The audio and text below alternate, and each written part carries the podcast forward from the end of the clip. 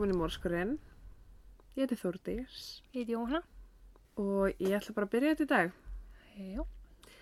Uh, ég ætla að tala um hana Lindsay Busiak.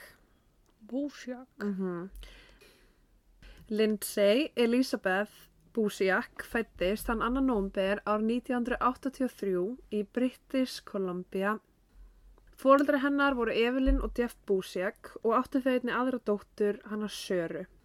Lindsay var elskuð af fjölskyldu vinum, hún átti ekki erfileikum með eignast nýja vini, hún hjælt sér frá öllu drama og var góð við alla þá sem hún hitti á lífsleiðinni. Hún var ógisla ljót. Hún ákveði að nýta þetta persónu einkenni að geta auðvitað að tala við nýtt fólk með því að byggja upp vinnuferil sem passaði hennar persónuleika. Hún fetaði því í fótspor föður síns, Jeff, sem hafði verið í fastegnabransanum í yfir 30 ár. Hún gerði sitt allra besta varandi frama og sótti mörg námskeið. Á einu þeirra hitt hún mann að nafni Ryan Silo. Silo. Silo. Z-A-I-L-O. Silo. Sæló. Ok? Hann var strax hrifin af henni og urðu þau góði vinir en Lindsay vildi svo sem ekkert meira en það. Ok. Strax grunnsalegt. Já. Hann kynnt hana fyrir móður sinni, Shirley, sem var einnig mjög stórt, eða bara stórt nafn í fastina bransanum Já. og hún vann sérst fyrir vinsala fastina á sveðinu sem er náttúrulega bara Remax. Aha. Shirley líkaði vel við þessu ungu stelpu og sá alveg hvað sonur hennar sá í fari hennar. En það virkilega falleg, opin og jákvæð, svo hún endaði á bjóðinni vinnu. Ryan átti einni bróður, Jason Silo, þessi síðan skil sem ég segi Silo, sem var einni í fastinabransanum og kom reglulega á skrifstofuna hjá móður sinni. Uh, hann sá eitthvað í fari hennar og ákvað bjóðan á deitt. Eitt leita öðru og endaði með romantísku sambandi þeirra á milli, sérst Jason og Lindsay. Já. Og maður spyr sér alveg, ok, Ryan bara eitthvað, ok, ekkert mál, þú vildi mikið en vilt bróðu minn, Mhm. Mm Það er allavega. svolítið tricky situation. Mm Fljótlega ákveðu þau að búa saman sem var ekkert bara eitthvað húsnæði heldur hafði Shirley keift handa um hús sem var metið á 1,3 dollara. Vá. Já, Vá. mm hún er til fastanabransanum, hún var alveg wealthy lady. Já, já. En hún eitti einni tæpum 250.000 dollarum í að gera húsið upp og sérst að kaupa innbú handa þeim. Já. Mjögulega besta tengdum að mig heimi. Uh, já. Mm. Það leið þó ekki langu tími þar til Lindsay byrjaði að sjá í gegnum Shirley og fannst hún vera með mikinn yfirgang og orðin mjög stjórnsum hvað varðaði líf þeirra. Nú, ok. Mhm. Þetta er stutt. Já, hún ætlaðist til mikils og átti það til að nefna húsið sem hún hafði sko keift. Þegar uppkom ágrinningur eða ósamræmi varandi skoðanir þeirra á milli. Það var Mm. alltaf þetta bara, ég keifti hafði ykkur hús. Henni fannst einni eins og Jason væri að feta í fótspor móðu sinnar uh, með bara stjórnsemina og var eiginlega bara ekkert til í þetta líf lengur. Jason fann á sér að eitthvað væri að og spurði hann út í það. Hún sagði honum meðal annars frá þessu vandamálum hennar varandi móðurinnar og stjórnsemina og henni langaði ekki búa í húsi sem væri eigum móður hans en það myndi að seint teljast hennar eigin og hennar skoðanir fengi ekki að koma í ljós. Ok, þannig að húsið var í eigu mömmunar, ekki... Já, Ó, ok. hún sérst keifti og átti og þau byggu hjá henni, Uh, þannig séð. ok, ok. Þannig að þetta var ekki þeirra nafn og þau áttu þetta. Nei, Nei. þau ákveðu þá flytja saman í íbúð sem var í eigu bróður hans Jason. Uh, Shirley, enn og aftur, eitti 70.000 dollurum í að mála og laga til íbúðuna svo hún yrði þeim hæf. Það endist þó ekki lengi þetta samband þeirra, Mm. sérst. En í desember árið 2007 fór hún að heimsækja föðu sinn en hann bjó í Calgary, tæpa 1061 km burtu frá Victoria og sagði meðal annars við hann að henni langaði til þess að koma sér úr þessu sambandi og finna sér íbúð í miðbæ Victoria svo hún geti verið nær vinum sínum. Það var ekki einungis móður að Stíson sem var að trubla sambandið, heldur var Lindsay bara að missa áhugan á honum sjálfum. Hún var með verkefni í gangi sem henni langaði að klára en það gerur fastlega ráð fyrir því að Shirley myndi reka hana þegar hún myndi hætta með sín hennar. Mm. Hún sagði einnig föður sinum að, frá því að hún hefði orðið vittna einhverju heima hjá þeim sem hún hefði ekki átt að sjá en vildi lítið tjá sig um hvað það var sem hún hefði séð. Fæ ég að vita hvað það var? Í að fara enginn að vita hvað það var. Mm Stutti eftir þetta, þann 22. desember var hún með vinkonu sinni Nikki heima hjá þeim Jason. Þær höfðu verið út að skemmta sér og ákvaðu að fara til hennar til að halda áfram bara að fá sér annan bjór heima og spjalla. Hún sagði henni frá öllum þeim vandamálum sem að voru hjá hana í fari Jason og móður hans og var svo sem ekkert að kvísla eða leina því sem hún sagði. En Jason var sér sofandi herbygginu í, íbú, í íbúðinni. Mm. Henni var eiginlega bara alveg sama þótt hann myndi heyri henni eða ekki, uh, enda var hún full og það er eiginlega bara óvíst hvort það hafi átt einhver þátt eða hvort að hún var bara komin á það stig að henni var bara alveg sama. Já. Uh, Jason vaknaði á endanum og kom fram og heyrði sérst allt samtalið milli þeirra. Mm. Uh, Nicky sá hann, fríkaði út og ákvaði að veri best að hann myndi bara koma sér heim en Lindsay ákvaði sérst að fara með henni. Uh, eftir að þeir fóru þá hringdi hann í hana 30 sinnum en hún svara honum ekki. Þannig að Jason hringdi sérst í móður sína og sagði henni frá því hvað þið komið fyrir. Hvað hún hefði verið að segja. Svo bara kemur hún heim daginn eftir og bara gott að blessa. Ok, ok. Á aðfungadag fekk Lindsay svo rándir að gjöf frá Jason. Hann fann á sér að eitthvað væri að, eitthvað mikið, augljóslega líka hirðan Mhm. samtalið og bauð henni í skíðaferð með fjölskyldinni. Um, þessari Alveg pottið það síðasta sem henni langaði í. mm nema það að sérst, í þessari skíðaferð þá náð, náðu þau sáttum og Lindsay tók það ákvörðan að gefa hann annan sjens. Já, ok. Henni fann sambandi loks vera góður leið og Jason væri virkilega hlusta á vandamálun hennar. En þau fóru sérst í skíðaferðina þarna í desember og komu heim sérst í janúar 2008. Já. Þann 11. janúar þá voru Lindsay og Jason orðin sátt og hún búin að gefa hann annan sjens til að bæta sambandi. Þann dag fekk hún símtal frá viðskiptavinn í fasteignasölinni. Það var kona á hinni línni sem sagði henni að það væri verið að færa mannin hennar til í vinnu og þeim vantaði nýtt hús í Victoria. Hún vildi fá hús í miðbænum og var með mikla kröfur. Þrjú herbyggi, þrjú baðherbyggi, stórt hjónaherbyggi og auka herbyggi fyrir húshjálpuna. Þau ætluðu sér að koma sérst, um helgina og verið þrjá daga að skoða húsnaði.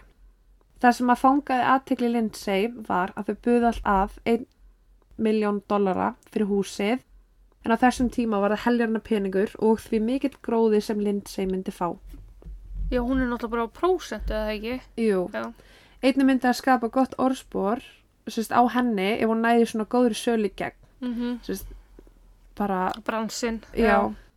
Hún hugsaði samt með sér með að við að efnarskerfi var í algjöru ruggli hvernig þetta fólk ætti þennan pening og henni fannst henni skrýta þessi kona hringdi í hana og vildi fá svona rándýrt hús á aðeins nokkru dögum. Hún sérst vildi bara fá það strax. Já, ok. Afhend strax. Já, Já, ok. Konan sem ringdi hana talaði með miklu hreim en hún gæti ómögulega sagt til um hvaðan hún væri en hugsaði samt með sér spænskur hreimur en það hljómaði eins og hún væri svona feikarheimin. Ok. Já.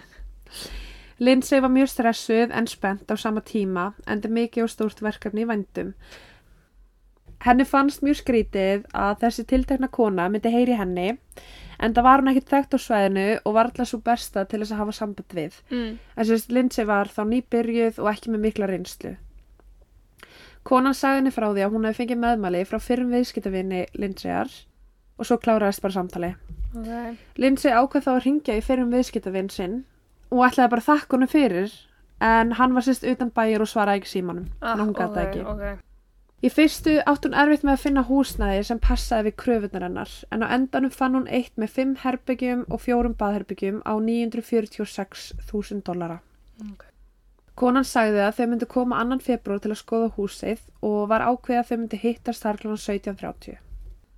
Laugardarinn kemur og snemma dags fær hún símtal frá mögulega kaupandanum en í þetta skipti var það eiginmaður konunar sem að ringdi. Hann vildi staðfesta tímasetninguna á opna húsinu og leta hana einni vita af því að konan hans kemist ekki með eh, en hún væri sérst veik heima og þau vildi ekki láta þetta tækifæri fara fram hjá þeim svo hann ætlaði sér sjálfur að mæta. Ok. Sérst einn. Já. Þann daginn fyrir hann í há, hádegismat með Jason. Uh, Lindsay segir hann frá áhyggjum sínum uh, sem hún hafði varðan þetta par. En henni fannst þetta allt bara eitthvað svona mjög skrítið. Svolítið iffi. Já. Hún hafði einnig sagt vinkonu sínum og pappa frá þessu sem að sögðu henni að einhver ætti að fara með henni sérst, að sína húsið. Já. Um, hún var hins vegar mjög sjálfstæð og vildi landa þessum samningi alveg sjálf. hún vildi sérst ekki fá utan að komandi hjálp og sérstaklega ekki frá öðrum fastunarsölum að því hún vildi bara bókstala eigana samning já, sjálf bara landa þessu sjálf Já, og ná upp allt sem er bara vel, vel skiljalegt Já. sko. en hún var samt svona ógislega hrætt og eiginlega bara uh, bað Jason um að mæta með sér mm, bara til öryggis mm og ég menna þú veist það er eitt að fá kannski annan fastunarsala til að koma með sem að kannski stelur sölunni Já. en það er annað þegar þetta er kærastinn og Já, hann er bara já, til að standa við hliðina á þér Já, 100% Jason sagðist til að mæta með henni bara til að fylgjast með. Þau kláraði að borða kl. 16.24 og fóru frá veitingastæðnum í sikkvara lægi en það vildi Lindsay fara heim og gera sig til. mm Á meðan fór Jason að hitta annan viðskiptavinn sem Lindsay hafði til þess að láta hann skrifindir sölusamning en hann var sérst bara að gera henni greiða með því að flýta fyrir. Hann Ok. hafði ekki tíma til að fara sjálf þannig að hann bara hægir ok, ég fer með pappirinn að þangað og Já, græja það fyrir þig. Hann mætir á SHC bifræðverkstæði sem er um 5 mínútur frá SOS þar sem þau höfðu verið, verið að snæða mat. snæða Mm. Lindsay kemur við á Remax til að sækja öll skjöl fyrir að opna húsið og tjáir samstarfélum sínum frá sérst bara svona hnút sem hún er með í maganum. mm Hún byði þá um að skoða númerið hvort það kom einhvers þar upp en þau finna ekki eigandan eða sérst nafnið á aðilanum sem að er að koma að skoða Já, húsið. já, já, já Jason hafði heyrt í kunningi sínum, Cohen Oatman, en þeir voru nokkuð skona viðskiptafélagar og hefðu spilað saman hokki á fyrri árum. Jason ringir í Lindsay og hún segir honum að hún sé á leiðinni að Gordon Head, sem er sérst húsnæði sem hún er að fara að sína. mm Jason bauðist til að hitta hana þar til að láta hana undir þetta skjölin sem, hann hefði farið og látið uh, Græja græja, svo hann geti hafið ferlið á sölunum sem, að var, sem, sem hann var að græja fyrir hana. Hann ætlaði líka að hitta hana þarna með skjölin, sérst, ætlaði þá mögulega að hitta hana fyrir utan en hún færi að sína hitt húsið og bara Já. eitthvað, hei, skrifa undir, ég skal Mhm, græja þetta og, mhm. já. Á þeim tíma fekk Jason annað símtal sem var frá Cohen en þeir höfðu ákveðið að hittast yfir kaffi og síminn hans var batterislaus og hann ringdi Jason úr símaklefa til að spurja hvar þeir ættu að hittast. Jason stakk upp á því að hann kæmi bara þangað sem hann var, sérst á verkstæðið og saman myndaður fara í mat. Ok Cohen sest svo í eftirlismyndavel fara upp í Range Rover bílinn hans Jason kl. 17.30 en Jason stendur fyrir utan bílinn eins og hann sé að fylgjast með einhverju snýr höfðinu, horfir í eftirlismyndavelna og lappar sérst í áttina á bílstjórasætinu og fer síðan bara upp í bíl og keira á stað. Hann ekki vera hjá henni kl. 17.30? Mhm. Ok Jason sendir Lindsay skilaboð og segir henni að hann sé á leiðinni og verður 10-15 mínútur og sinn. Mm. Hún svaraði honum og sagði ok, sé eftir smá uh, og svo segir hún þarf að fara, Mexikanarnir eru komnir. En sérst hún kallaði þá alltaf Mexikanana af því hún var ekki með nöfnið þeirra Já, sem mjög spes og þau töluðu með hreim. Já Þannig að hún var bara eitthvað, já, the Mexicans are here, see you later. Klukkan 17.29 var Lindsay mætt á svæðið og opnaði lik liklabóksið að húsinu til að komast inn. En þetta er sérst mjög ríkt svæði á Plaza de Sus Mm. og það var einingis einleið til að komast inn úr þessu hverfi. Já, ok Einu meina húsi kostar fokkin miljón dollara, Mhm, skilju. mhm. Þetta er eitthvað svona Þetta er eitthvað svaka fancy eitthvað. Já. Hún tekur á móti fólkinu og fer með þau inn til að sína um húsnæði sem hún hafi fundið handa þeim. Jason ringir í bróðu sinn á leiðinni til að fá heimilisfangið á meðan hann keirir á staðinn þrátt fyrir að hún væri búin að segja honum hvar það væri staðsett og búin að segja honum að hún væri óruleg og smá hrætt að mæta Mhm. þarna einn en hann sérst bara myndi ekki heimilisfangi svo hann hringdi bróðu sinn. Klukkan 17.38 sendir hann henni önnur skilaboð og segir hann sér rétt að komin. En Lindsay opnar ekki þau skilaboð en það eru með viðskiptavinni hjá sér og það er frekar dónalegt að vera í símanum á meðan að opna húsi stendur. Mhm. Klukkan 17.41 ringir símin hennar Lindsay í Jason en það var líklegast bara úr vasanum hennar en það heyrði hann ekkert nema bara eitthvað kruðl. Ok Þannig að það var svona pocket dial. Klukkan 17.45 mæta Jason og Cullen á staðinn en hann keiri sérst fram í húsinu til að leggja alveg í enda. Ok Hann sér Karlmann inni í húsinu í gegnum glerhurðina framann og áætlar að hún sér sína um neðri hæðina. Hann leggur bílnum sínum í enda götunar sem að snýri burt frá húsinu en sá sérst húsi í hliðarspeklinum. Mhm. Þeir voru í bílnum í um tíu myndur og klukkan 17.55 kerði hann tilbaka og læði sérst í bílastæði við hliðin á húsinu sem að hún var að sína. Já Hann gerði þetta af því að hann vildi ekki vera uppáþrengandi kærasti og vildi ekki trubla að opna húsið hennar. Ok, en hann átti að vera þarna með henni að því hún var smeykað ekki hann ætlaði sér jú að koma og, og vera með henni. Ok. Það var stór girðing, tré og annað sem að skeiði verulega á húsi svo hann sá lítið yfir sérst í hitt húsið. Já, Þannig, þannig maður bara ekki akkurat að leggja já. Sérðu hvað sem er ekki yfir. Um tíu myndum síðar sendur hann henni skilabóð og spyr hvernig gengi sem hún svarar ekki. Hann verður smá órulegur og ákveður sérst að fara á aðtuga með hana. Uh, Jason og Cullen kom á húsinu en hurðin er læst en þeir sjá sérst skónuna Lindsay í gegnum gluggan. Klukka var núna orðið 5 mindur yfir 6 og þeir höfðu verið hana fyrir utan í um tæpar 20 mínútur. Já. Þeir skoða liklabóksið en það var tómt. Þeir vantaði einni kóða til að komast inn í bílskurinn svo hann ringdi í móðu sína en hún vissi ekki kóðan. En hún var sérst náttúrulega leika fasteinarsali og gæti vel verið að þetta var náttúrulega bara skrá hjá Remax. Mhm.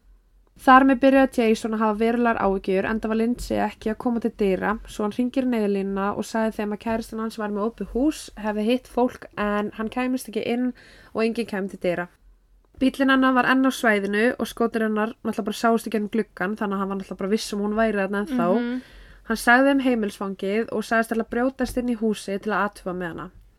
Þeir fóru fyrir aftan hús þar sem að Jason lifti Cullen upp yfir grindverki en þetta var sérst bara svona hátt grindverk, þetta var ekkert eitthvað sem hún gæst bara réttilega að labba Nei, yfir.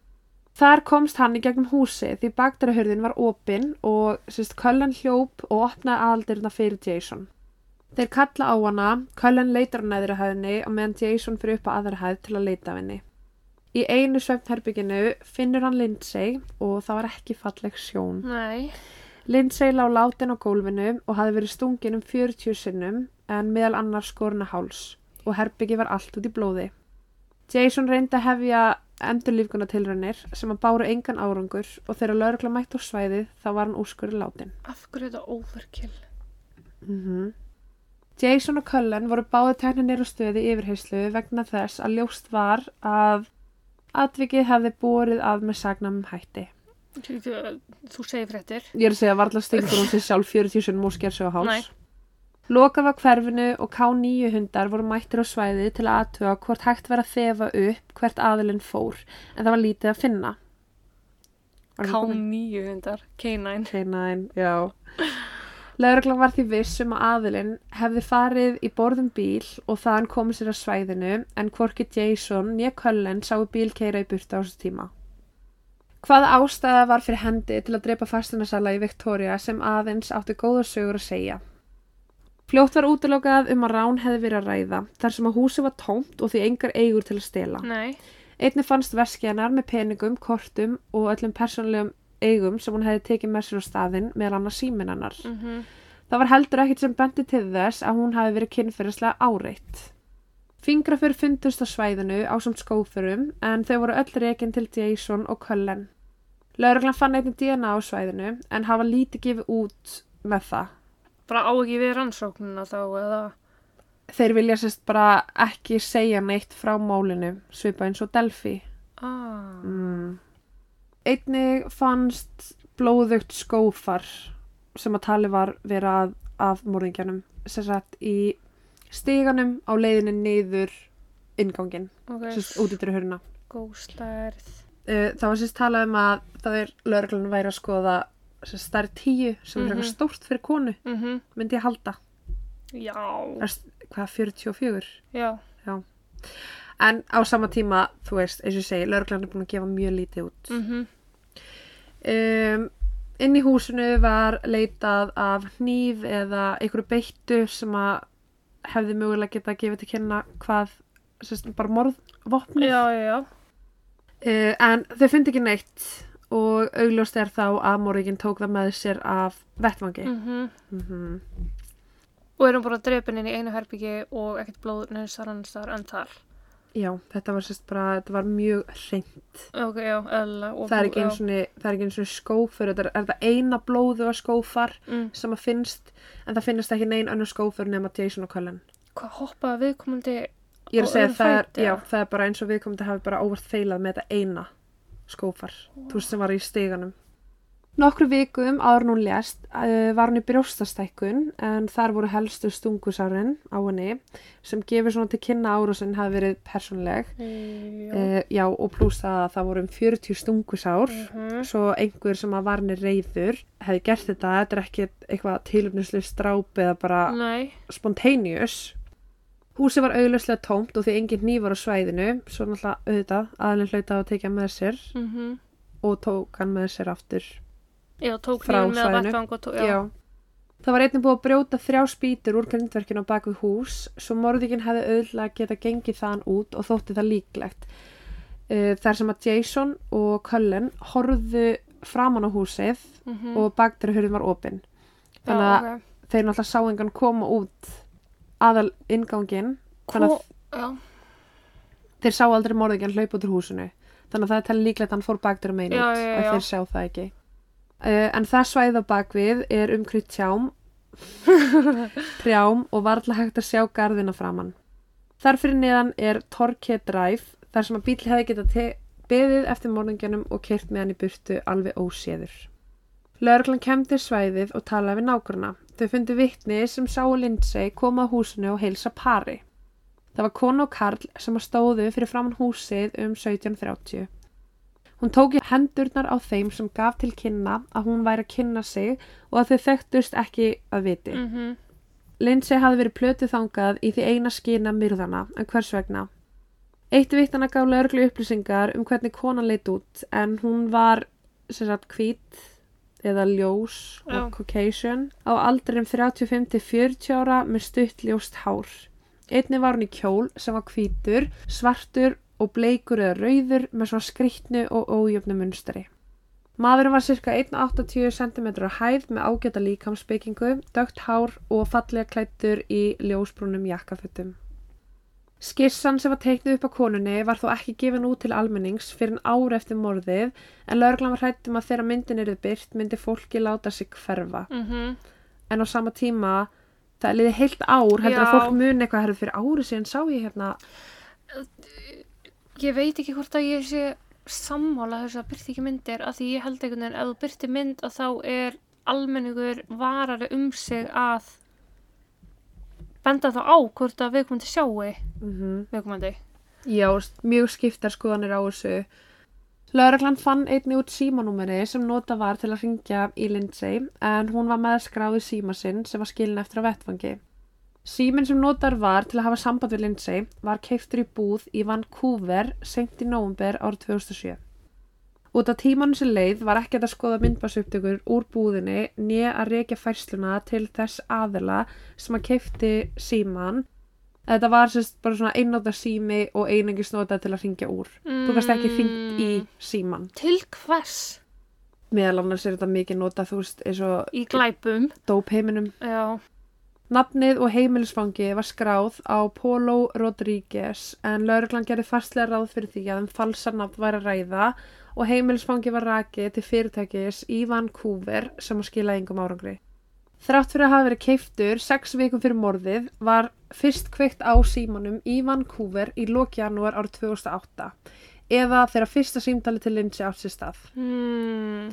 Þannig að eh, ljóst er að símin var keiftur í þeim eina tilgangi að Nákvæmlega. ringja hana. Þessar upplýsingar fengust úr símagögnum en úr símanum var alls ringt sex sinnum. Allt til Lindsay og eftir morðið hefur aldrei verið kveikt á símanum aftur. Þetta sýnir beinan ásetning og að hún var ekki valin af handahófi Mm -mm. en hvers vegna? Af því hún var veliðin, hún var 24 ára, hún ekki gert flugumein alla sinna æfi, þú veist það var ekkert, ekkert vesen. Nei. Rannsóknlauruglu miðaði ekki vel en það var lítið um upplýsingar að fá á þessum tíma. Hugsa var til þess hvort einhver hafi ráðið þetta fólk til að verða hennar bana. Fadir hennar Lindsay var með tvær kenningar í huga. Annarkvort núverandi kæristun hennar, Jason, eða fyrverandi sem að hétt Matt McDuff. Lauruglan var komin á sömu blæsu og hann enda kom lítið annað til greina á þessari stundu og mikilvægt að skoða alla vinkla málsins. Ljóst var að þetta var persónulegt og því mikið til í þeirri fyrirstöðu að einhver nákomin henni vildi losna við hana. Hvort sem að það var fjölskyldumæðlumur eða afbrýðsamur samstarfsfélagi. Mm Matt McDuff og Lindsay voru saman frá 2001 til 2006 en hann var tekinni yfirheyslu hjá lauruglu. Á þeim tíma sem morðið átt sér stað höfðu verið skilin frá hvort öðru í tæp tvö ár og bæði búin að halda áfram með lífsitt. Já, Já. Hann greindi frá því að þau hafi ekki talað saman í marga mánu og að sambandi þeirra, þess, það var ekki alltaf að dansa á rósum, sumi dagar voru mjög góðir, aðri dagar mjög slæmir og endanum ákveðu þau bara í saminningu að skilja leiðir og halda áfram með lífsitt já. í sátt og samlindi. Sambandsleit þurfa ekki að vera slæm þó að sambandið hafa verið slæmt. Einmitt. Fjárvistasönnin hans var svo að þegar morðið átt sér stað var hann í um klukkustunda fjarlæð með kæristun sinni og fjölskyldun hennar. Okay. Það var sérst bara hans Já. Það kom inn upplýsingar á borð lauruglu um að Lindsay hafi verið virkilega hrædd við Matt og að hann stæði henni ógn að. Ok, trúum við því.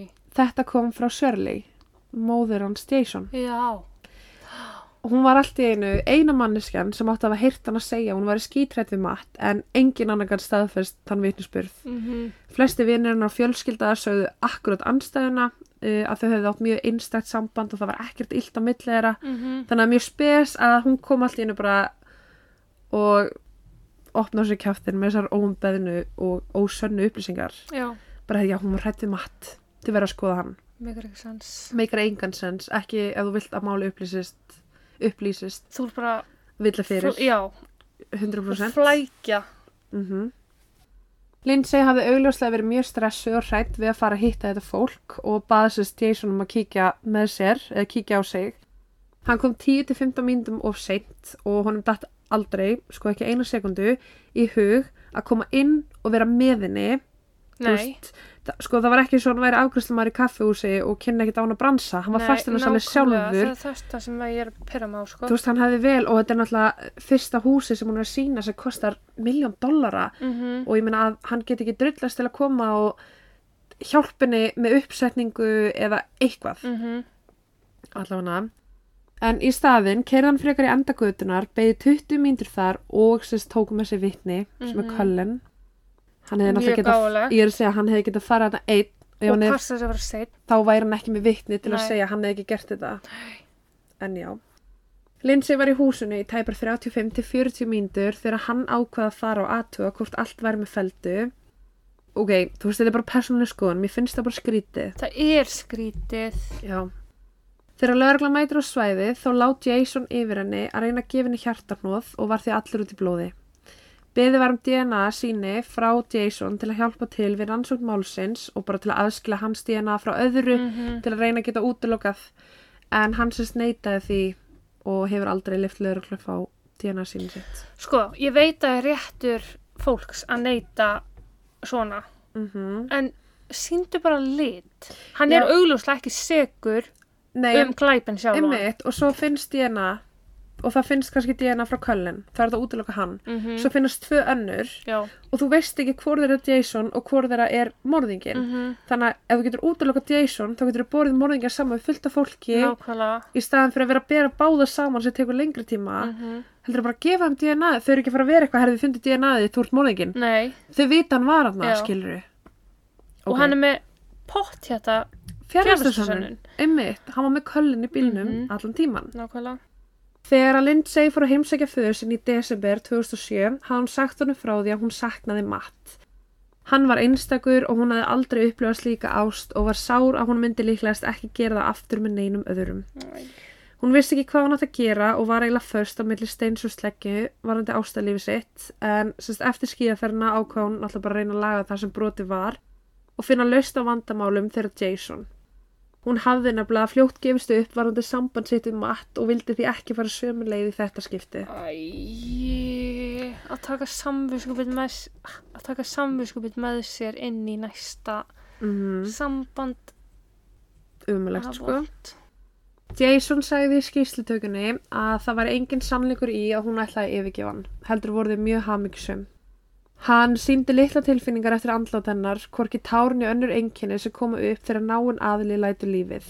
Þegar hann var spurður út í þetta þá sagði hann að fólk síni tilfinningar öðruvísi sem að er jú satt. Uh, hann sagðist hafa elskað hana og vonast til að þetta mál myndi fljótlega upplýsast.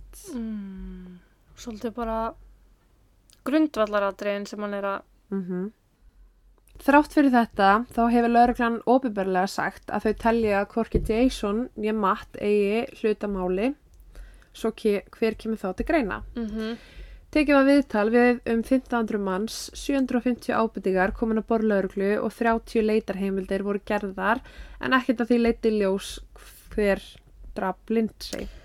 1500 manns Mm Málið var gjörsalega loka almenningi og ekki eins og fæðirinnar fekk að vita upplýsingar sem viðkom málinu. En það hefði verið nokkra kenningar settar upp til að reyna að varpa ljósa á það sem gerðist þennan örlega ríka dag og þá sérstaklega að reyna að skoða tengingar hér og þar. Og ég ætla að fara í gegnum þetta. Þetta er mjög flókið en ok, Ok. Sem sagt, þann 27. janúar árið 2008, 11 dögum áður en að Lindsay var myrt, voru 25 kíló haldlögð úr húsi í Calgary. Tveim dögum síðar voru önnur 42 kíló einni haldlögð. Síminn sem var notaður við morðu á Lindsay var keiftur nokkru dögum eftir það, Ok. að, sérst, að þetta börst átt sér Mhm. stað. Og munum að Calgary er staðurinn þar sem að faðurina býr og hún Mhm. fór að heimsækja í desubir. Um eitt.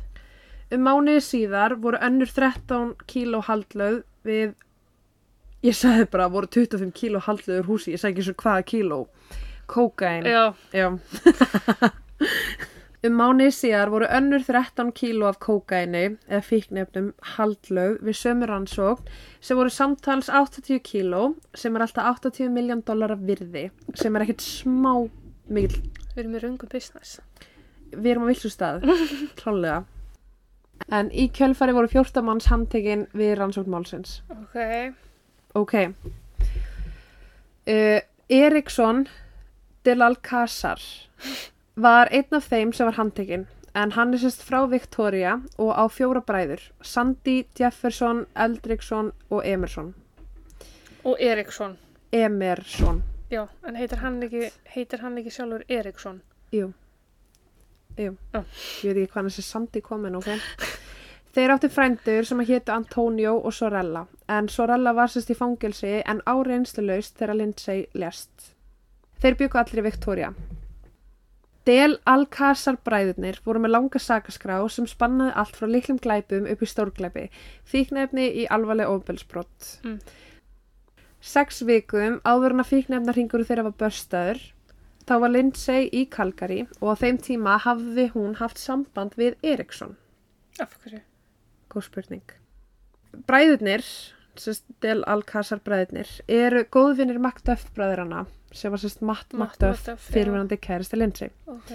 Það er ekki vita hvers vegna hún hafði samband við Eriksson en þau voru ekki þannig sé vinir og þetta var ekkit eitthvað hæ, ef að hafa reunion um helgina skilur Kannski vant hann bara smá í nebbaling á djáminu eða eitthvað. kannski getur vel verið en það eru sérst sögursagnir um að hún hafi vitað eitthvað varandi þennan fíknefna hring og hafi kjaftað í lögreglu en hún hafi meðal annars sagt föður sinum að hún hafi séð eitthvað sem hún átti ekki að sjá Já, en var það ekki inn á heimili fjölskylduna? mm Já. Tengingin kemur á eftir. Ó, fuck my life, ok. en það voru sérst margir reyðir út af þessari haldlagningu og bara dópösti en það margir að tapa miklu fjárhæðum og aðri kongar sem voru herri í keðjunni sem vildu einfallega finna seka aðilan eða benda fingrum á eitthvað sama Mhm. hver það er. Og það gæti allt eins lítið út eins og Lindsay hafi sagt lauruglu upplýsingar og fyrir það þyrfti hún að gjalda. En nú aftur er þetta bara kenning. Mm en sérst að því að hún var í Calgary og ringdi Eriksson kannski sá hún eitthvað, heyrði eitthvað vissi Mhm. eitthvað og svo allt í henni var þetta börstað -hmm. og þá er sérst kenningin svo að þessir bræður og þeir sem hún voru handteknir, einhver á þeirra vegum hafi sérst uh, drepað hana fyrir að vera snitts Mm en lauruglan er sérst búin að staðfesta það að þeir voru löngu byrjar að rannsaka málið mm. uh, Lindsay hafði aldrei samband við þá hvað var það neitt af þessu þannig að hún var ekki tengd eða viðrinn málið á neitt hátt og hún kæftaði ekki frá neinu Nei, þeir voru, bara, þeir voru búin að vera með þessa rannsón í gangi lengi að þeir vild, vildi bara börsta bara Allt. allt. Já. þeir vildi ekki taka bara litla kallinn Nei. þannig að það er ekki að segja mér það að að lauruglan sé bara eitthvað að fái ábendingu frá Lindsay og bara daginn eftir herri, Já, við tókum þá reyta húsin þeirra. Nei, þú veist, þeir þurfa að rannsaka þetta og mér skrýta að bræðin hafi ekki fattað það, en ég heldur hafi ekkert verið svo gáðastu, sko. Til að grafa aðeins dýbra í málið, þá eiga sérst bræðinir tvo vini sem heita Vid og Siggi. þetta er sérst Del Alcázar bræðnir. Já, og viðbútt við þá. Viðbót við þá eru Vit og Siggi, vinnirnir, Siggi. Siggi. Siggi. En orðið á götunni er að þeir hafa verið viðrinnir í ólög, ólöglegri fíknefnasölu fyrir bræðina. Siggi hefur meðal annars verið ákjörður fyrir að selja fíknefni, hann hefur ákjörður fyrir mandráp, fyrir að eiga ólögleg vopn, bara svo eitthvað sem nefnt. Síðasta kæruna hendur honum var þann 7. júni ára 2013, þá var hann meðal, meðal annars tekin með marihuana, kókain, crystal meth og bara fram til göttunum. Býtu, satt hann aldrei inni fyrir þetta mandráp eða? Jú, það Já. var árið 2000. Ó, ok. Þegar hann var börstaður var hann handtekinn heima á sér þar sem hann bjó, sem sagt árið 2013. Mm Morðið á Lindsay var 2008. 2008, já. Uh, 2013 var hann handtekinn með allt þetta magn af fíknefnum uh, heima hjá sér og eigandi húsnæðisins sem hann leiði hjá var, ætla gíska, Hættu, mamman. já, Shirley Silo, Silo. Shirley átti sérst húsnæðið sem hann var að leia af. Hún talaði við lauruglu og sagði að hún hefði ekki hugmyndum að það væri verið að nota húsið hennar í þetta fíknefnadæmi og gata ekki tekið neina ábyrð á því. Hún sagði einnig að hvorki hún er fjölskylda hennar kannast við Siggi heldur var hann einungis leigjandi hjá henni. I En- call bullshit. Já, að því á Facebook er til mynd af hokkiliðinu sem að Jason og Ryan spiluðu með. Þar er Jason, Ryan og Siggi saman á mynd. Þetta er ekki lengur tilviljun, sko. Já, sem er sko nýleg og ljóst er að þeir voru ágæðsfélagar. Já. Einmitt. Siggi fekk 2,5 ár í fangelsi sem er ekki það mikið með við hvað hann er með langa Já, já, sakaskrá en lögfræðingun hans var sérst bratt, sami lögfræðingur og fyrir seil og fjölskylduna eftir morðalinsi. Já. Þannig allt í nú voru þeir með sama lögfræðing, mm Mhm. tekst ekki neitt og Nei. myndir þeim á Facebook. Og þetta er ekkert eitthvað eldgamla myndir frá því voru tveggjara sko. Nei. Þess, Þetta eru alveg nýlar myndir. Þetta er líka bara þegar það komna, þú veist, ein tenging, ok. Mhm. Tvær, þrjár tengingar, það er orðið skrítið. Já, já, og sko, þær verða fleiri. Um, en já, með varandi Siggi, þá hann sérst verið handtekinn fyrir morð áður. En það var þegar fyrirvandi kæristan hans kynntist manni að nafni Kevin Black. Mm. Uh, hann sá þau eitt kvöld saman á barnum, eldi þau heim og skaut þau þegar þanga var komið. Kæristana, fyrirvandi kæristan hans lifði af en lést þó síðar eftir að hafa tekið of stóran skamt af heroinni. En orðu á götinu var að hún sérst tók aldrei heroin, heldur kókain, hún var kókainfíkil Mm. og heroin var bara ekki hennar Nei, þannig að það er mjög skrítið að hún allt í henni bara overdósað það er hægt að drepa fólk með heroíni. og það er skrítið að eina vitni sem er eftirlifandi vitnið Mhm. varðandi morðið á Kevin Mm Gagvart Siggi -hmm. deyr Mhm. á svona dölufullan hátt En áttur, tilhöranir, mm ekki til þessu. og sko þetta er allt mjög skrítið uh, en ég er eiginlega bara varpa að ljósa hvernig samböndin voru og hvað þetta fólk er tilbúið að ganga langt. Og þannig að drepa sín, síðan eigin fyrirundi kæristu þá komum við að Leopoldo Rodio Beltran kallaður Leo. Hann var sérst einn af þeim sem var handtekinn í Calgary fyrir fíknefnaframleysluna og dreifingu þeirra. Hann var frá Mexiko og með sambönd við mexikóskan fíknefnarring bara mm Mhm. dröggkartel Mm Á þeim tíma sem Lindsay lést, þá bjó hann í Calgary. Sýstir hans, Hermíla, bjó í Burnaby, en hún var sérst með spænskan hreim. mm. Þau sískinin passa einnig við lýsingu vittna og því kenningi svo að þau hafi farið að heimilinu og drepi Lindsay þennan dag. Mm Líó var 1,80 cm á hæð, sterklega byggður með dögt hár og ljósa húð.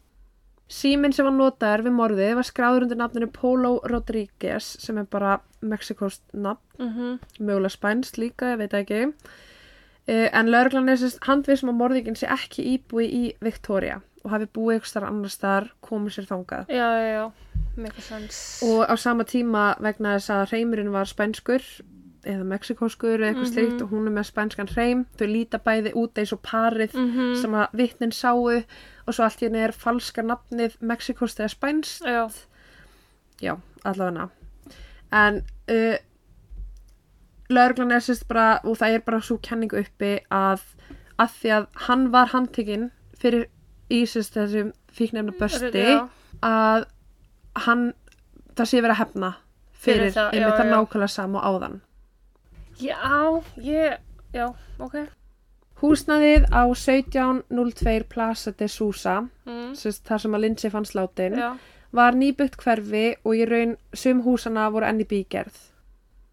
Eigandi fastinafélagsins sem að keipti landið og sá um að byggja húsin hétt Joe de Sousa. Plaza de Sousa, Mhm. Joe de Sousa. Já. En hann syns, var á svæðinu þennan dag og fór kl. 16.30. Húsið við hliðin á var enni byggingu og vinnumennir stimpluðu sig út klukkan 17. Þannig að 17.30 var góðu tími til að sína húsnæði þar sem að enginn var á svæðinu.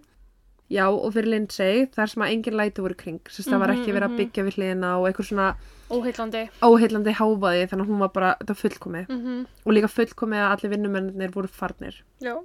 En munum eitt að hjónin báðu um þessa tímasetningu sjálf. Ég var að fara að segja að það var ekkert hún sem að vildi. Nei. Joe, um, Joe átti vin sem að heitir Paul Berghoff. Hann hafði flutt með fjölskyldinu sinni frá Hollandi. Hins vegar, þegar Paul og fjölskylda hans komu til Kanada, þá skildur leiði þeirra hjóna og hann hóf samband með... Mömmunni. Já! What? Móðurast Jason og voru þau í sambandi á þeim tíma sem að Lindsay var drepin.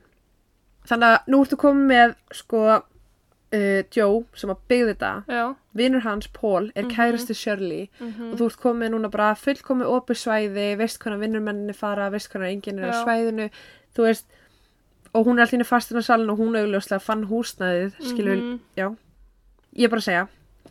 Uh, það var einnig, þú veist, eitt skipti sem að Jeff, uh, Og Komst- hún vissi, ef hún tengdi sig, þá vissi hún skilirðin sem að pari var að byggja um mm og vissi að þetta var eina húsið á svæðinu, Já, sem væri með fimm herbyggjum, fjórum baðherbyggjum, já, og hverju líkunar að kærist hennar hennu emitt.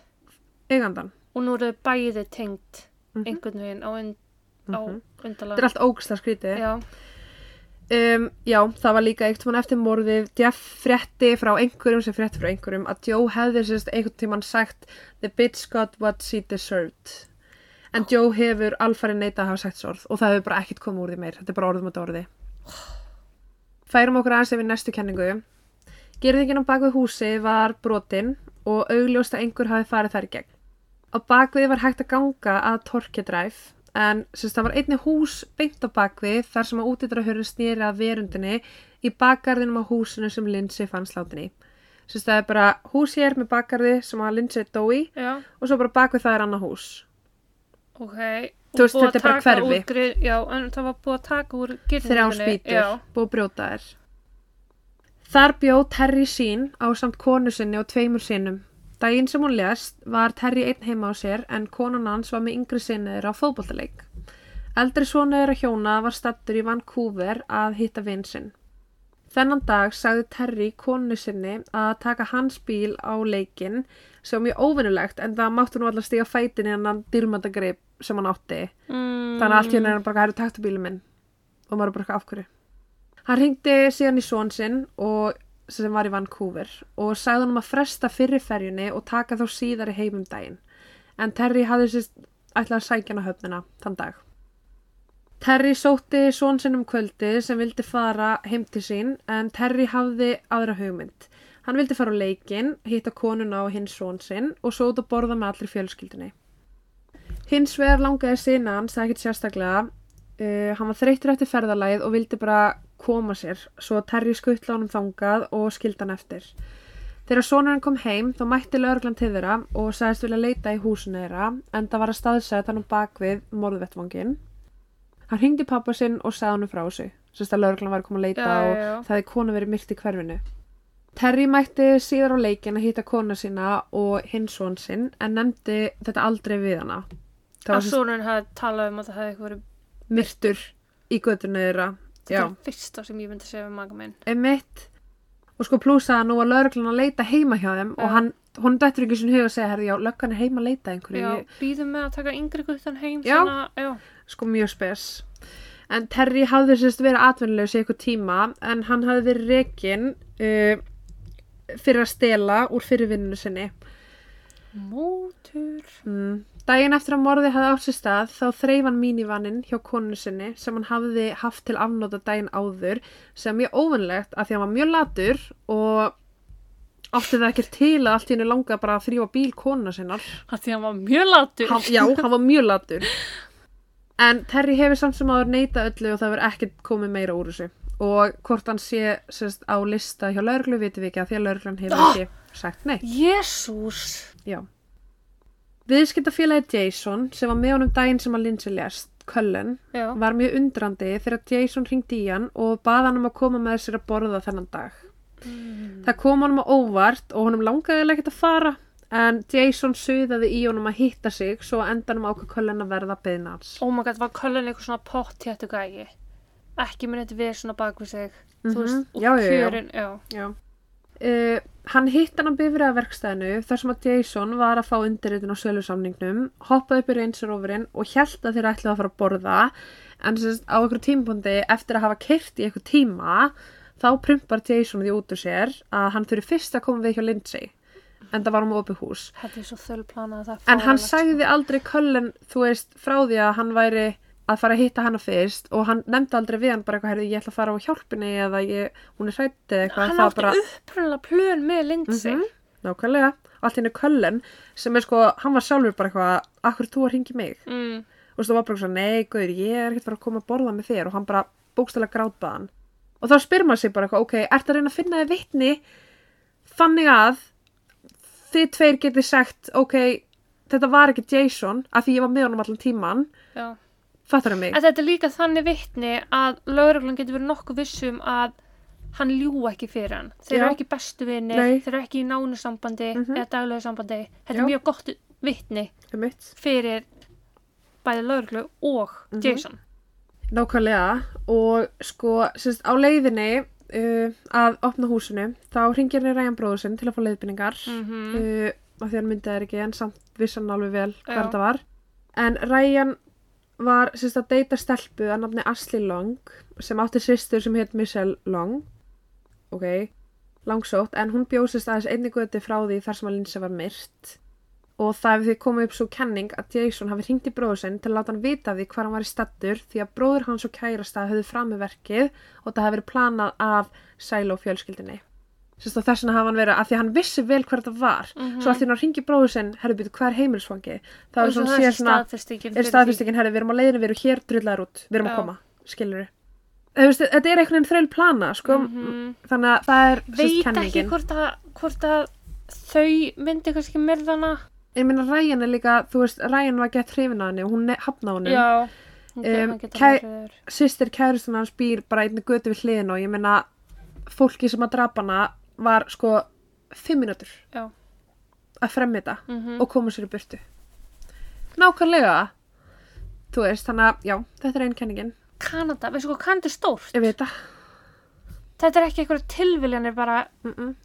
og það er sko meira að koma Ó, Þann 1. februar árið 2008, daginn áður en Lindsay var myrt, voru sjö lauruglumenn sem að fóru eftirlaun frá Sanits laurugludeildinni. En þar á meðal voru þrýr virtustu rannsóknar aðilar. Samtals voru þeir sjö með 210 starfsár í lauruglunni. Vá, vá, Þeir voru bara mjög reyndir, 30 ár hver cirka bát. Já. Það eru mjög margir sem vilja meina að morðið hafi verið planað út frá þessum upplýsingum. Sagt, af því að það var vel vita að það var verið búið að fagna þeim í blöðunum og þú Mhm. veist, klappa fyrir þeim og gott að blessað. Já, Þannig að vissallir að þeir væru að sérst, fara á eftirlaun og væri að vinna. Reyndustu lögreglumennir Já, Og eftir sitja kannski þeir sem eru nýlegar. Já, En það er sérst talað um að morðið hafi verið planað út frá þessum upplýsingum. mhm Og nokkrum árum eftir morðið þá byrjaði Shirley meðal annars að deyta einn af þessum lauruglumönnum sem var komin á eftirlaun. Hvort hún gerði það til að fá þá upplýsingar á málinu eða ekki, veit ekki. En mér finnst bara Shirley passa einhvern veginn inn í allt. Já, Ég er bara eitthvað, hún hvað- er með puttan í öllu Hún er allstaðar. Já. en ég meina saman tíma hún var með stjórnsum og var að skipta sér af. Þá sérstaklega er það hún sem að Mm framkomur eitthvað svona sko. Já. Um, þá er einnig sögursagnir um að einhverju þessara lauruglumanna sem fóru eftirlaun hafðu haft samband við laurugludeildina og bóðist til að halda áfram að vinna málinu og jafnvel launa laust til þess eins að hjálpa til en þeir var neita því bóði. Af hverju? Sko, ok, þetta var náttúrulega 2008 um, ég sá samtal eða sérst, ég sá viðtal við lauruglumannin sem að sá um þetta og hann sagði meðal annars að það væri bara gegn reglum deildarinnar. Þegar þú ert komin á eftirlaun þá ertu bara komin á eftirlaun það saman hvað. að, já, af því að annars líka getur þú farið í vítarhing svo gerist annar morð þá ertu ennþá, Já, svo gerist annar já. ennþá. Akkur á þetta mikilvæg en þetta. Þannig að, þú veist, hann kom alveg með þessi rauk skiluru, sem að, jú, jú er alveg skiljalegt, gott að blessað en ég menna hversu oft árið 2008 hversu margir voru drefnir á Victoria en ég veit ekki. Mm, Uh, yfirmaðurinn sem fór með máleðinar þess sem ég var að tala með í viðtalinu Mhm. uh, hann hefur til dæmis aldrei viljað utan að koma til aðstóð hvorki frá öðrum deildum á svæðinu eða sérstakri morðdeild og hefur aldrei viljað afhenda skjölin til neitna aðila sem að byggja um þau.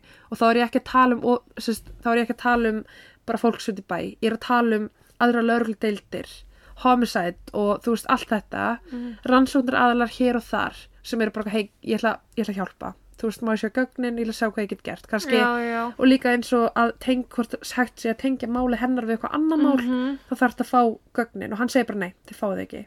Sem er mjög spes. En það lítur að vera eitthvað teimi sem sér um rannsókn málsins. Mm hann er með sitt eigi teimi hjá lögreglunni. og það er bara þau sem fá já, og engin annar. Það er alltaf gott að fá já, líka þú veist, að þú sérstaklega út komin uh, hingað að það er ekkert til að vinna með þannig Nei. séð, þú veist, þetta er stór og mikil rannsókn í vændum. Af hverju ekki bara þú veist, kannski er eitthvað morð eða svipa sem að gerðist í Vancouver mm mánuði síðar. -hmm. af hverju ekki þá fá lögreglun í Vancouver til að skoða í gagnagrunni hjá þeim? Býtu, er eitthvað, herði, jú, þetta, getur þetta verið rafmóringi eða eitthvað? Fá bara, þú veist, borrowed another pair of eyes. uh skiptir svo miklu máli, sko Yes. En já, hann hefur sérst ekki viljað það og sko það er náttúrulega mörg li- ár liðin frá þetta gerðist og augljóslega eru þeir ekki að vinna málið fullkomlega þannig að af hverju ekki Það er svo að sé að stíga svo ofbóðslega var, varlega til jarðaðar. mm veit ekki hvers vegna Fullvarlega, sko. mm Daginn eftir að morði átt sér stað þá fekk 22 ára Jaspín sem var einnig fastunarsali á svæðinu símtal frá konu með sterkan hreim. Sú kona hringdi og sagði uh, getur þú mætt til mín, mér langar að skrá húsið mitt á sölu. Uh, Jasmín spurði hvað heimilisfangi væri og konan svaraði ég er ekki alveg viss, getur hringdi í síðar en hún hringdi aldrei tilbaka í hana sérst, og það var ekki meira úr þessu en Jasmín er sérst fyrirhundi kæristan hans Jason What? Já, mjög spes, Hvað það að spes, drepa hana líka eða? veit ekki. Nokkru vikum eftir morðið fekk einni vinkonana Lindsay, Nicky, Sem, símtal. já, sem var að drullu yfir mömmun á Jason, eða ekki? Með henni? Jú. Já. Jú, Nicky vinkonana sem var að drullu yfir Já, Jason, já, já. Hún svaraði og kona með mikinn hreim byrjaði að tala við hana. Nicky var hálsofandi og náði ekki alveg öllu sem hún sagði en það tók ekki langan tíma fyrir hann að átta sig á aðstæðum og myndi hvað er gerst við Lindsay. Hún spurði hver var að ringi hana og hvað manneskjan vildi en það var bara strax skellt á. Nicky ringdi 20-30 sinnum tilbaka í númerið Mm þar til einhver svaraði og getur hver var á hinni línunni. Mamman. Já. Að grínast? Ég er ekki að grínast þér. Shirley var á hinni línunni, mamma Jason. Nicky spurði hvað var í gangi og Shirley gætt lítið sagt. Hún neitaði að hafa hringt í hana en sagði frá því að aðstofar konan hennar héti einni Nicky og hún hefði ætlað sér að hringi hana og þetta væri bara miskilningur. En hvers vegna er hún með númerið í símanum hjá sér hjá vinkonu Lindsay? Nákvæmlega, þær áttu valla í einhverju samskiptum. Ekki neinum, Nei. ekki neinum samskiptum. Hún sagði frá því að Jason hliti að hafa sett að þanga á einhverju tímapunkti sem mjög einkennlegt að ég myndi ekki setja númerið þitt hjá tengdó og ég þarf rétt að vona að þú gerir ekki að sama. En þú veist þetta er bara af hverju ætti Jason að fara í síman hennar Shirley og setja þetta? nei. og af hverju ætti Shirley þá að ringja í aðstofakonuna sína með hreim? Já, fyrir utan það. mm. af hverju ætti hún að gera það? Og þegar Nicky svaraði og heyrði hreimin og hún var hrætt og hún bara hver er þetta, hver er að ringi mig? Já, og verður smá svona vör, viss, vör um sig. Já. og það var bara skellt á. Og það var Shirley. En já Nicky var sérst svo sem var með Lindsay kvöldi sem Jason yfirheyri samtaleira og gatir hún vittna fyrir það að samband þeirra var stormasamt og að Lindsay hefði ætlað að yfirgefa hann. Mm þá sérstaklega sem að Jason sagði frá því að það væri algjört bull og þau voru hamingsum af því að hann sagði við lauruglu bara það var ekkert að okkur, við vorum bara hamingsum og þú veist hún ætlaði ekkert að fara frá mér það er bara kæftæði hann sagði það í yfirheyslu við lauruglu Já.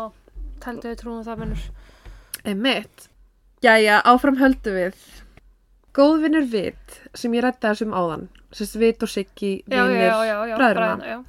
Góðvinnur hans Vit hétt Medardo Rivas og þekkti einni vel til Delalkas bræðrina. Vít og Maderda voru að gera það mjög gott í undirheimunum áður að Lindsay var myrt og eftir morðið virtist eins og allt hafi farið niður á leið. Síminn sem notar var við morðið á Lindsay hafði ferðast alla leiðina frá Vancouver til Victoria með ferjunni daginn fyrir morðið. Síminn hans vit kemur inn á símamastur á sama tíma og einnota síminn svo ljóst er að þeir hafi báðir verið í borð um ferjunni á sama tíma á leiðinni frá Vancouver til Victoria. Mm Þannig að vit er allt í henni í sömu ferju og, Og s- morðinginn Já, ok. sem var með síman, sem átti síman. Já, eða kannski var þetta bara eitt sími, veit ekki Báðir símarnir komu einni inn á annað símamastur á sama stað setna um kvöldið, nálægt heimilina svit. Hverjar eru líkunar á því? engar. Hverjar eru líkunar á því að morðingin sem er þetta mexikonska par Mhm. sem engi þekkir, sem bara kaupa sér hús uh, séu í sömu ferju við Og makinn sagði, maðurinn sagði að koma einn af því að konunars kæmist ekki. Þannig að. Lindsay myndi ekkert bræða að einn maður myndi mæta. Nei, en svo mætti par Já, auðvitað. að vittin sáu sérst konu Já, kall já, já, já.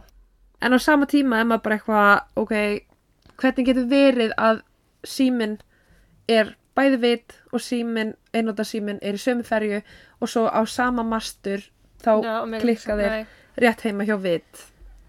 Það eru einnig fjóri mann sem hafa komið saman skyndilega frá mismunandi stöðum í Victoria um klukkutíma eftir morðið þegar allir símandi þeirra komu inn á símamastur en það var síminas vit, Maderdo, Edvardsson og Eriksson. Bræðurnir, vit, vinurinn og, Maderda, vinur. já, vinur, vinur, já. Já. Þannig að klukkutíma eftir morðið voru þeir allir, allir fjóri Já, saman. að hópa sér saman og plotta hvað er þetta að gera næst. Já. Siggi átti einnig á einhverju tímabúndi að hafa sagt við fólk á svæðinu að morðina Lindsay hafi verið mistök. Maður spyr sig hvers vegna og hver eru líkunar á því. Hmm. Já. Á hverju ári er Walk of Justice ganga í gegnum Sanits í minningu hennar. Ó, ég má ekki heyra svona hluti, þá var ég svo lítil í mér. Ef Jason hefði komið aðeins fimm mínútum fyrr hefði hann mögulega keirt fram hjá fólkinu. Það er áætlað að hún hafi verið drepin um 1741 og morðingin hafi farið úr húsinu kl. 1745. Sko sem er bara sami tíma og Jason er að mæta á svæðið. Já, já, á svæðið og hann er farin inn hvað 20 minnir setna. Þannig að þá pottet vissum hún sé dáin. já. En það er líka alveg ótrúlegt hvernig aðil er svona fljótur að stinga eitthvað 40 sinnum, koma sér út, þetta er sko fjóra mínútur sem við erum að tala um. Mhm. hann er fjóra mínútur til að gera þetta allt hlaup út, hann er, það er ekki DNA það er ekki skófur, það er ekki neitt Þetta er- þannig sem Þetta er finnst, fagmaður, þetta er eitthvað professional. Þetta er fagmaður. Já, það er engin svona gögg til staðar en það var sérst á þeim tíma sem Jason var að fá símtal frá henni en þá er talað um að hún hafi verið að reyna að ringi Jason á meðan árusinni stóð Æi, Þessna er tímasendingin 41. það er þetta pocket dial, já Oh. mhm Emitt. Fyrrvandi lauruglumar á svæðinu er með sína kenningu að einhver sem er tengdur fasteinabransanum hafi verið viðriðin morðið á einhvern hátt þar sem að sá sem planaði morðið hafi haft vitórsmann til þess að plana staðsendingu og annað slíkt. Já, Augljóslega gaf einhver frá sér númeri hennar og vissu að Lindsay myndi grípa þetta tækifæri en hún var með stuttanlista og þetta var hús var ekki beint hennar, nei, á hennar þetta er mamma. skala. Árið 2017 var einhver sem skrifaði á heimasíðu föðurinnar varandi málið en hann heldur sérst út í bloggsíðu sem heitir bara eitthvað Lindsay Busek Murder. Já, Þar er sko tímalína allt sem ég er búin að segja frá, þar er meðal annars og hann bara byrtir, hann er það djarfur, hann byrtir myndir af vit og bræðrunum og bara öllum Mm. sem að hann er bara, og you það að vera í friði. það fær að vera í friði. Nefna það að það var sérst eitt, eitt komment sem að kom þar inn, það eru mörg komment sem koma inn. En það var eitt sem svona fangaði aðtegli lauruglunar og margra aðra. En það var árið 2017 og aðeins sagði undir bara ég draf Lindsay og heimsku löggunar munu aldrei sanna það. Þeir hafi ekki neitt, öllum er skýt sama um þetta nema crybaby faðurinnar vinkonarinn hafa jafnvel glemt henni. Sannis lauruglan lokaði málunu því þeir gáti ekki fundið út hver ég er. Hætti þessu bulli, fari heim lúsarar gleymið henni The street will always rule, bitches die every day. Ég held að þetta sé a lot of talk. Já, á er það og það líka getur bara verið hver sem er. Já. Árið 2019 var fréttamiðl sem vakti aðtegla málinu og baðum gögn til þess að skrifa sérst bara blagrinnar um málið og vekja aðtegli. Já. Þeir fengu ekki allt sem hafði verið skrifað en fengu þó einhverjar áður sagðar upplýsingar og fjölluðu um málið sem í dag er tilgangslaust en sérst, í dag er tilgangslist fyrir lögreglu að halda öllum upplýsingum að sér svona mörgum árum, sko 13 árum eftir morðið þar sem augljóslega ekkert nýtt var að gerast í málinu. Nei, og þess vegna þarftu að gefa upp einhvað. Mhm. Og það er sko, lögin í Kanada eru svo sem stjórnarskrán kveður á um rétt að, fólks til aðgangs á skjölum nema í óvinnilegum málum sem uppfylla ströng skilirði. Og fellur þetta mál undir þau Lögreglan vil meina það og þetta er eiginlega bara sem sagt, matsatriði já. um túlkun á hver þessi ströng skilirði eru. Bara persónulegt mat hvers og eins. Ég meina þeir augljóslega vil ekki hjálpa öðrum, vil ekki segja gefa út neinar upplýsingar og eru samt sem áður að vinna en samt ekki vinna í málunu. Mm þú veist þannig að það er ekkert að gerast hjá þeim þannig að er ekki komin svolítið tími til að skipta um teimi og reyna að fá boltan af stað upp á Mhm. nýtt Ef það verður skipt um teimi bara á fimm ára fresti, bara herri, þú fær fimm ár til að reyna við þetta mál. mm -hmm. Og næsti tekur þetta fimm, eða tvö ár, þrjú ár, hvað það er, skilur við, já, að þá ertu alltaf með eitthvað metnaðfullan sem tekur við málunu og vill dempa sér í það, mm -hmm. veist. nákvæmlega en sérst, það sem að þeir e, eða það sem að þau fengu hendurnar hann á 2019 Mm. var sérst bara að planið að enda lífin að Lindsay var sett á stað með einu símtali sem var lokið hann úr 2008 Hún hélt að konan sem hefði hringt verið með sterkan spænskan eða mexikanskan hreim en í skjölunum er hvergi talað um að, að, að hann hafi verið falsaður. Hann Já, hafi fundist svona, hann vera já, já, skrítin. Já, Konan sagði að maðurinn hennar hafi nýlega verið færður í vinnustað til Victoria og vildi finna sér þar hús fyrst. Mm. Símtali vakt- vakti óhug og Lindsay eiginlega bara trúði ekki og Jason kæristinn hennar fannst þetta eiginlega bara vera of satt til að vera gott Of gott til að vera sagt. of gott til að vera satt um, einnig þessu spurningar um hversuna konan hafi valið hana en ekki eitt af virtustu fastana sölum bæjarins Mm þú veist af hverju hún, af hverju ekki Shirley hún var miklu betri reynslu eins og áður var sagt var mælt með henni og vildi hún heyra í viðkomandi til að þakka fyrir sig en það var bara engin sem kannast við þetta hún sérst á endanum náði einhvern veginn sambandi eða lögreglan náði sambandi við sagt, þessa viðskiptavinn sem átti að hafa Mhm. gefið henni númeri og það var, það var allir bara eitthvað ég hef ekkert mælt með henni við neitt Nei. þannig að það kom ekkert úr því. Það er óvíst um hvort þú hafið sagt nafni sitt að því hún myndist alltaf bara á þessu mexikósku parið. Mm Mhm. Lörglann telur að morðingin eða morðingjarnir hafi notað MapQuest til að kynna sig hverfi og skipuleggi flóttarleið frá húsinu. Klukka 90.50, daginn sem að hún fekk sem sagt símtalið, Mm þá mætti Shirley heim þeirra. Það er ekkert sagt til um að hversu hún mætti þangað en hún sérst yfir heyrði þetta 15 mínúna samtal millir hennar og viðskiptavinarins um, og maður spyr sér bara Þetta er eitthvað allt mjög heflegt. Já, Samkvæmt skjölunum ætlaði hún alltaf að fara að hitta þessu konu eigimann hennar á Gordon head heimilu kl. 17.30 rétt eftir að februarsólun hefði sest. Parið hafði ætlað sér að koma með ferjun hennar sama dag en augljóslega símagögn segja að þau komu Daginn deginum áður, já. og hvar gistu þau þá?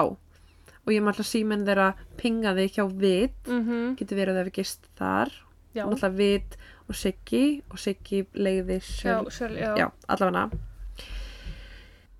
Jason hafði sérst bóðið henn að taka við opna húsinu þar sem hún var hrætt og sagði frá því að hann hefði áður fengið símtal frá konu um mánuði áður sem að baði um húsnæði fyrir 900.000 dollara.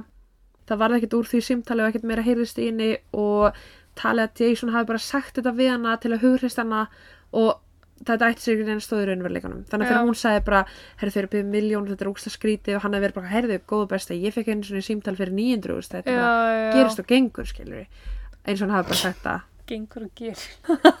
Þetta er bara gengur og, nei, gerist og gengur. allavega dagana fyrir opna húsið leiti einnig í ljós einkennlegt minnstur varandi samfélagsmiðlana Lindsay en sérst Jason eftir morðið gaf Jason lögreglinn tölvin hennar bara til að rannsaka allt nánar Ok, það er allan að eitthvað leilegt. já, uh, í ljós kom að það vantaði skilabóð á Facebook alltaf tvær vikur fyrir döðanar og hún var sérst með 700 vini á Facebook svo mér skríti að hún hafi ekki talað við neitt í heila tvær vikur Já. sko ekki eins og mömmu sinna eða, eða Jason það var ekki svo skilabóð með hennar og Jason Nú skil ég okkur hann leti upp á töluna. Já. Á vinalistanum hennar var einnig mikið um íbúa uh, sem að voru góð kunningar lauruglunar og vel þekktir fyrir dópnislu og fíknefnarsölu á svæðinu. En sérst lauruglan telur að það hafi getað spilað inn í morðið hennar og hún þekkti eitthvað grunnsanlegt fólk. Ég hef mig fullt af sem er fólki á Facebook. Ég ætla að vera rétt að vona að fólk myndi sér ekki skoðun á því. Einmitt. Skoðun á mér út frá því. Já. Er bara að dílda fólki. Mér finnst það ógst að skrítið komment. Hún átti einnig að vera fyrir gæsunapartí í Vancouver og ætlaði að sína húsið og drífa sig svo þangað. Það lúa með plön. Já, hún var með plön, ætlaði að fara, hérna, sérst, hún var að fara að sína húsið 1730, ætlaði sérst bara að klára það af, ógislega fljótt, drífa sig í ferjuna og fara til Vancouver. Mm -hmm, mm. Árið 2020 að þá sagði lauruglan frá því að þeir vilja sérst meina að þeir viti nafnið af þeim sem að kifti síman. Þeir vita sérst hver upprunalega kifti síman. Ok, þannig að það er einhver að vinna á málinu en það daginn dag.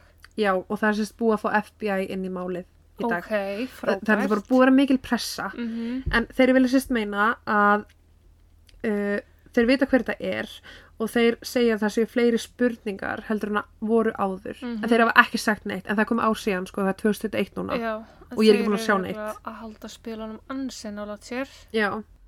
En mér finnst bara ógslag spes að þeir viti hver það er. Akkur gera þeir ekki neitt? Þú veist, ok, kannski er þetta bara einhver Kalli Jónssons killur sem að hengi veit hver er og hefur, ég hef ekki talað um hér. Nei, og þeir eru kannski að reyna að finna einhverja ástæðu en á sama tíma þeir vita hver keipti síman hverju, myndu líklega klína þessu á COVID. mm? en ég meina, já ég er bara, þú veist Pældu samt í því, ég held svo 100% með tilkomi, þú veist, hlaðvarpa, YouTube-rásna og alls konar, þú veist, Facebook-grúpur, allt þetta, það sem er aktivlí verið að tala um akkurat svona mál. pressar rosalega mikið á sko. laurugluna sko, já, klálega Vekur aðtikli á málinu og þú veist, mm nákvæmlega, þetta er árangurinn. Já, Að þú sér það ekki er máli mitt, það var engin pressa að leysa það. með Það gerist 1954. um mitt og það hefur þannig ekkert verið pressa á þetta mál fyrir bara núna nýlega. Já, veist, og sko faðirinnar, hann heldur út þessa heimasíðu, þessi heimasíða er með allar upplýsingar og myndir mm, af fólki, veist, hvernig á hann bara mynd af vít og veist, og deyra hvað, hvað sem er heita. Mhm, en þú veist, og hann er bara búin að vera bókstala að hamra í laurugluna mhm. Og hann sko treystir ekki lauruglunni á neitt hátt fyrir að leysta og hann Nei. telur þetta að sé eitthvað svona stórt dæmi. Og líka það eitt sem var ógislega oh, mér langar að grenja þegar hann sagði þetta. En þú veist, nú er bara 2008, það eru 13 ár liðin. Og fólk eða sérst íbúar í Sanits eða þú veist þessu umdæmi og Victoria eða þar umkring eru sérst hætt að mæta í gönguna. Og það er bara eins og sé verið að gleyminni og hann skilur ekki hvernig, hann skilur alveg að fólk getur haldið áfram í líf sitt en hann skilur ekki hvernig fólk getur ekki bara mætt hennan eina helvitist dag Mhm. til að heiðra minningu dóttur hans sem að er ekki sem að fá sitt réttlæti Já, að ég maður þekkir þetta samt bara með kertafleitingar og annað sem er Mhm. hérna að það hefur gert í 2-3 ár og svo og svo er það búið, búið. já og, og þú veist en þetta mál er sérst ennþá bara óupplýst til dagsins í dag. Síðustu fréttir var þarna fyrir ári síðan með þeir vita hver eigandin er. Ég er búin að fara í gegn kenningarnar sem er Mhm. náttúrulega bara nummer eitt, Shirley slash Jason slash Ryan. Mhm, nummer tvö, dóbræðinir og út af þessu dóbösti. Mhm. nummer þrjú, Terry. Mjög ólíklegt, Já, en þetta ég- er bara einhver perrakall sem býr á bakvið skilja, maður veit ekki. Og nummer fjögur að þetta sé bara gjörsala, gjörsala random og svo er ég með talað um líka því að það er svipamál um sagt Susie Lamplú sem að hvarf á dulafullan hátt árið 1986 eftir að hafa verið að sína hús Mm. til einhvers uh, Mr. Kipper sem að enginn veit hver er Ok, Já, og svo var annað mál í Breitlandi sem var svipað þar sem að ráðist var á konu á opnu húsi uh, af einhverjum Mr. Herring árið 2006. Uh, hún lifði af. Það eru sérst fleiri málum með þetta og Mm. það er einmitt talað um þarna bara hvort að það hafi þá verið hvati, Nei, eða sérst ekki fyrirmynd. heldur, já, fyrirmynd af þessu. Bara herðu, ok, hún er fastinasali. Mhm, Þetta eru mál sem eru um það gömul. Þetta gerðist og ég meina eins og með hérna Susi Lamblú, þú veist, hún hvarf og svo fannst hún látin og Mhm. eitthvað og bara einhver Mr. Kipper þannig að maður bara eitthvað, ok, og mexikoska parið það segir ekki eins og hvað það heitir þetta er líka sko, þú þarft ekki að láta vita komiðinni á opið hús. Jú, kannski ekki dag át og COVID. En almennt, þá er bara opið hús auglist og hver sem er mætir og það er hvergi skráð hver er að fara að mæta í mörgum tilfellum. Nei, nákvæmlega, þannig að það kæmist í rauninni hver sem er upp með að fara á svona og nei, ég var ekkert hana mhm. Þannig að en það er náttúrulega öðru sig að þetta er enga þú veist já, En þau komast upp með að bóka skoðun á húsi án þess að gefa upp einhverju upplýsingur um sig. já Ekki nafn eða neitt. mhm Og fastegnarsala bara, já, já, ekkert mál, sé ykkur. nákvæmlega og það er einmitt til dæmis eins og ekki mál sem að ég minnst á Nei, en það er samt nýlegt mál Mm. um konu einmitt sem að hvarfið var drepin eftir einmitt svona já, og fólki gaf aldrei fram nafn og nákvæmlega. samstagsfélagar höfðu ekki hugmynd um hvernig hún var að hitta því Nei. bókinni stendur bara þú veist, ég er með opið Fundur, hús já. skilur og það vissi enginn hver var að koma út og opna hús og það er óupplýst líka Já, þannig að það ert ekki að segja neitt þannig séð hérna erum við komin með The Perfect Crime. já, en það eru bara svo margar spurningar þú veist ó, ég er bara einhvern veginn mér finnst þetta bara tengjast allt dóbræðinir yfir á Já. Shirley yfir á Vit, Siggy þú veist, allt í náðun kærasta sem að þekkir Joe sem að er byggð þetta og svo á hún kærasta sem er lörglmaður, þú veist, maður bara Ég held að þetta með fíknæmna, þú veist að hún að vita eitthvað um fíknæmnasöluna, ég held að það tengist morðin ekki neitt. nei, Ég held að það hins vegar hafi komið þessu öllu upp á yfirborðið. mm Að þetta tengist allt til Shirley, Mhm. mömmunar. á einhvern hátt tengist þetta allt til Shirley Já, en ég er ekki þessum að það hefði komið upp nefnum fyrir það að þeir voru börstar. já, Ég hugsa að það sé eina tilviljunin einmitt í þessu já, er að þeir eru börstar og það bara, heyrðu, ok, það er tengingina við Lindsay, já, vá, býtu Shirley tengd þeim öllum á einhvern hátt, Mhm. nei, býtu, vá, Jason er líka tengd þeim, mhm. Þú veist, Jason var með Siggy Hockey hokkiliðinu allt skilur og. Cullen líka. Já, og Ryan, þú veist. En ég veit ekki, það er einhvern veginn guð minn góður, það er svo marga spurningar og ég geti sett heilan lista yfir spurningar sem ég væri til að fá svarað. Já, og líka þú veist, bara eins og þetta með að ringi Ryan og spyrja um heimilisfangið á þetta er eitthvað ríkt hverfi, ég veit alveg hvað Artonishæðin er, mm Mhm. skilur ég þarf ekki að, eða þú veist. Já, og Lindsay er búin að segja þér miljónsunum hvert hún er að fara og hún sé Mhm. stressu og hann, hún vill að hann komi.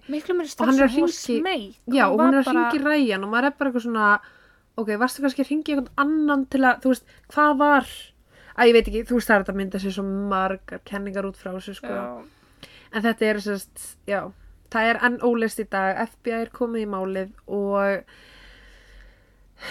vonandi bara fyrir lauruglana vinna sína vinnu og, og vel, vinnuna vel. já, og gefa sérst frá sér allir þessu gögn og fá þessu aðstóð sem að þau þurfa auðvitað á að halda. Já, En já, meira var það ekki.